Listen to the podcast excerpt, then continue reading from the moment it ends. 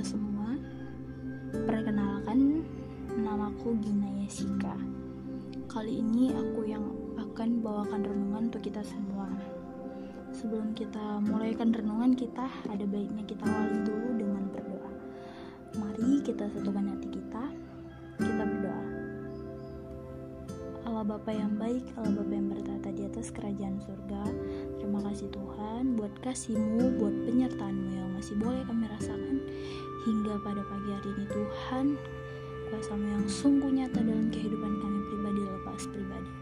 Tuhan sebentar kami akan mendengarkan renungan Tuhan. Kiranya Tuhan kebukakan hati kami pikiran kami Tuhan.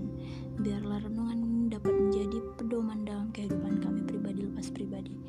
Kami mulaikan renungan kami hanya di dalam anakmu Tuhan Yesus Kristus. Haleluya. Amin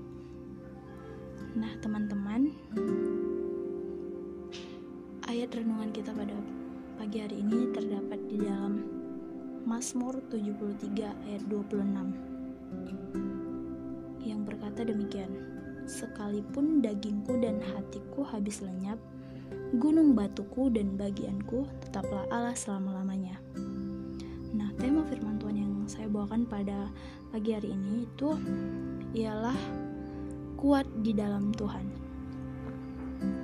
Maksud dari ayat tadi itu ialah e, berceritakan tentang kehidupan seorang Mazmur Asaf. Dia mempunyai e, seperti kehidupannya diuji, imannya diuji terus. Banyak hal yang kadang membuat dia e, menjadi imannya itu menjadi padam banyak hal yang membuat imannya menjadi mati. Tapi oleh karena Tuhan dan oleh karena ketaatannya, kesetiaannya kepada Tuhan, sehingga ia berkata tetaplah Allah selama-lamanya. Nah, teman-teman, apa sih yang membuat seorang Mazmur Asaf selalu yakin akan kehendak Tuhan? Apa yang membuat dia tetap berpegang teguh pada Allah? Sekarang kita lihat pada ayat yang pertama. Mazmur 73 ayat yang pertama berkata demikian. Sesungguhnya Allah itu baik bagi mereka yang tulus hatinya, bagi mereka yang bersih hatinya. Pada ayat satu inilah yang membuat seorang Mazmur Asaf selalu percaya bahwa dia masih punya pengharapan yang setia yaitu Yesus Kristus. Nah, akan tetapi teman-teman, pada ayat kedua dikatakan, "Tetapi sedikit lagi, maka kakiku terpleset, nyaris aku tergelincir." Nah, ternyata di dalam kesetiaan seorang Mazmur Asaf, dia mempunyai banyak cobaan-cobaan. Dia dia mempunyai banyak seperti goncangan-goncangan yang terkadang membuat imannya menjadi goyah. ada tiga poin yang membuat uh, iman Mazmur Asaf menjadi goyah. Yang pertama itu, mari kita lihat pada ayat yang ketiga. Di situ dikatakan, sebab aku cemburu kepada pembual-pembual kalau aku melihat kemujaran orang-orang fasik. Nah, sekarang kita fokus pada kata melihat kemujaran. Uh, kita melihat pastinya dengan mata ya kan ya Ternyata mata dapat membawa kita ke dalam dosa. Mata dapat merusak hubungan kita dengan Tuhan. Mata dapat merusak iman kita. Seperti halnya, kita melihat hal-hal yang negatif di sosial media, di handphone kita masing-masing. Itu yang membuat iman kita menjadi lemah. Seperti itu juga seorang Mazmur Asaf. Ia tidak tahan melihat perilaku-perilaku buruk orang-orang fasik di situ dan hampir imannya goyah. Oleh sebab itu, mari kita pergunakan mata kita dengan sebaik-baiknya hanya untuk kemuliaan nama Tuhan saja. Poin yang kedua, mari kita lihat dalam ayat yang ke-8. Di situ dikatakan mereka menyindir dan mengata-ngatai dengan jahatnya hal pemerasan dibicarakan mereka dengan tinggi hati pada poin yang kedua ini kita fokus dengan kata menyindir. Kita biasanya mendengar omongan orang lain, kita mendengar uh, perkataan-perkataan orang lain yang mau mau yang baik maupun yang buruk itu pastinya dengan telinga. Nah, ternyata dengan pendengaran dapat merusak iman kita. Dengan pendengaran dapat merusak hubungan kita dengan Tuhan. Seperti halnya ada seseorang yang suka menghina, menghina fisik temannya. Nah, otomatis temannya yang terhina ini pasti dia akan merasa seperti insecure dia tidak percaya diri mentalnya jatuh down dan pengaruhnya dan sebab dari semuanya itu ya ialah dia pasti akan menyalahkan dirinya sendiri dan penciptanya nah ketika dia uh, menyalahkan diri dan penciptanya di situlah dia merasa bahwa Tuhan itu tidak ada dalam dirinya sehingga dia apa imannya menjadi goyah, hubungannya putus dengan Tuhan. Begitu juga dengan seorang Mazmur Asaf, imannya hampir padam karena pendengarannya. Karena pendengarannya.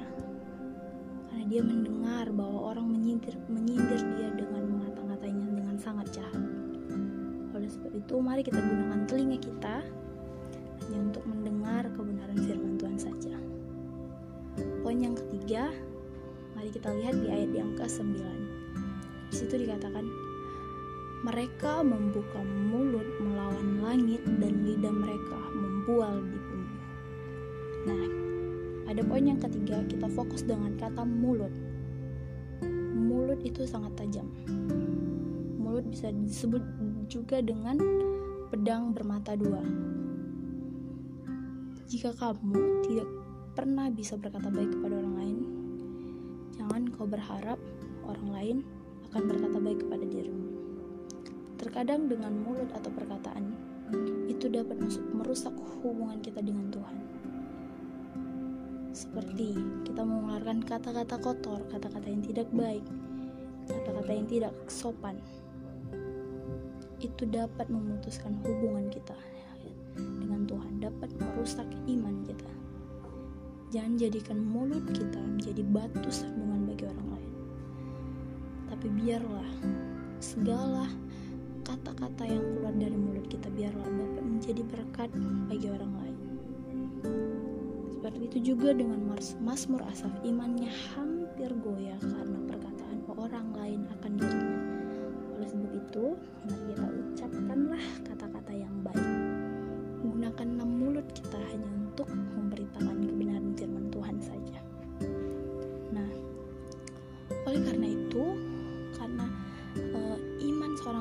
Asap sudah mulai goyah, ia berkata pada ayat ke-13, Sia-sia sama sekali aku mempertahankan hati yang bersih dan membasuh tanganku tanda tak bersalah.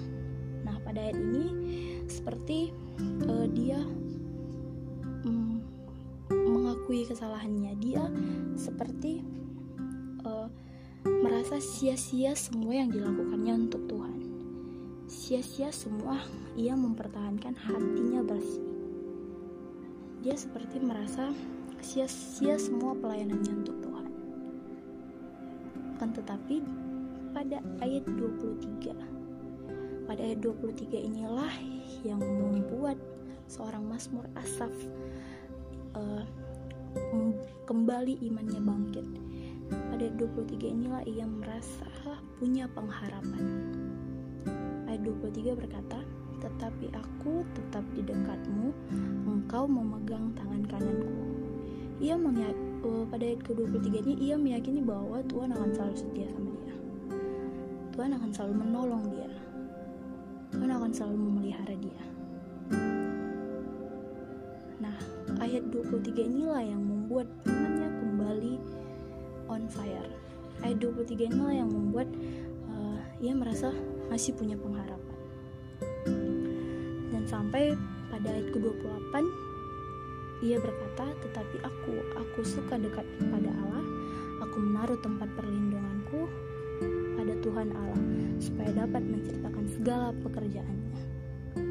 Nah, saudara-saudara yang terkasih, hanya de hanya dekat Tuhanlah kita merasakan aman hanya dekat Tuhanlah kita uh, mendapatkan kekuatan.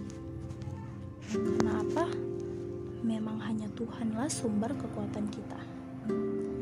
Kesimpulan dari renungan ini ialah Mari tetap taruh harapanmu sama Tuhan. Taruh pengharapanmu hanya kepada Tuhan saja.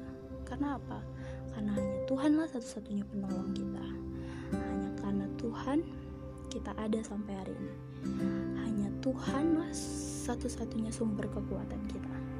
Dan mari juga kita gunakan mata, telinga, mulut kita hanya untuk melayani Tuhan. Jangan jadikan mata, telinga, mulut kita menjadi penghambat hubungan kita dengan Tuhan. Jangan jadikan itu menjadi uh, batu sandungan bagi orang lain. Tapi pujilah Tuhan dengan seluruh tubuh. Layanilah Tuhan dengan seluruh tubuh. Agar Tuhan selalu setia pada kita.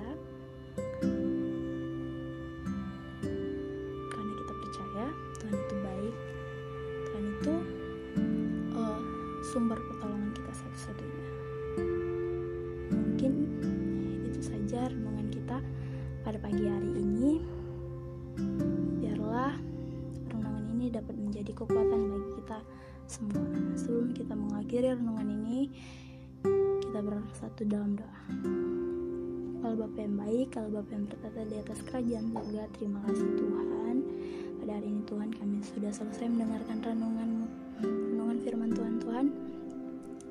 Biarlah apa pun yang kami dengar Tuhan, biarlah itu menjadi penopang, pedoman dalam kehidupan kami pribadi lepas pribadi. Biarlah kami dapat dikuatkan Tuhan.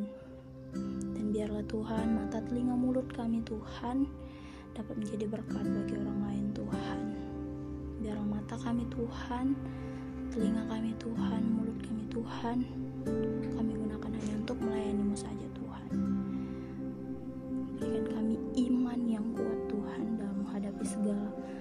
Terjadi di dunia ini Tuhan. Biarlah kami aman dalam lindunganmu saja Tuhan. Hanya ini menjadi doa dan permohonan kami Tuhan. Kami alaskan doa kami melalui anakmu Tuhan Yesus Kristus. Amin.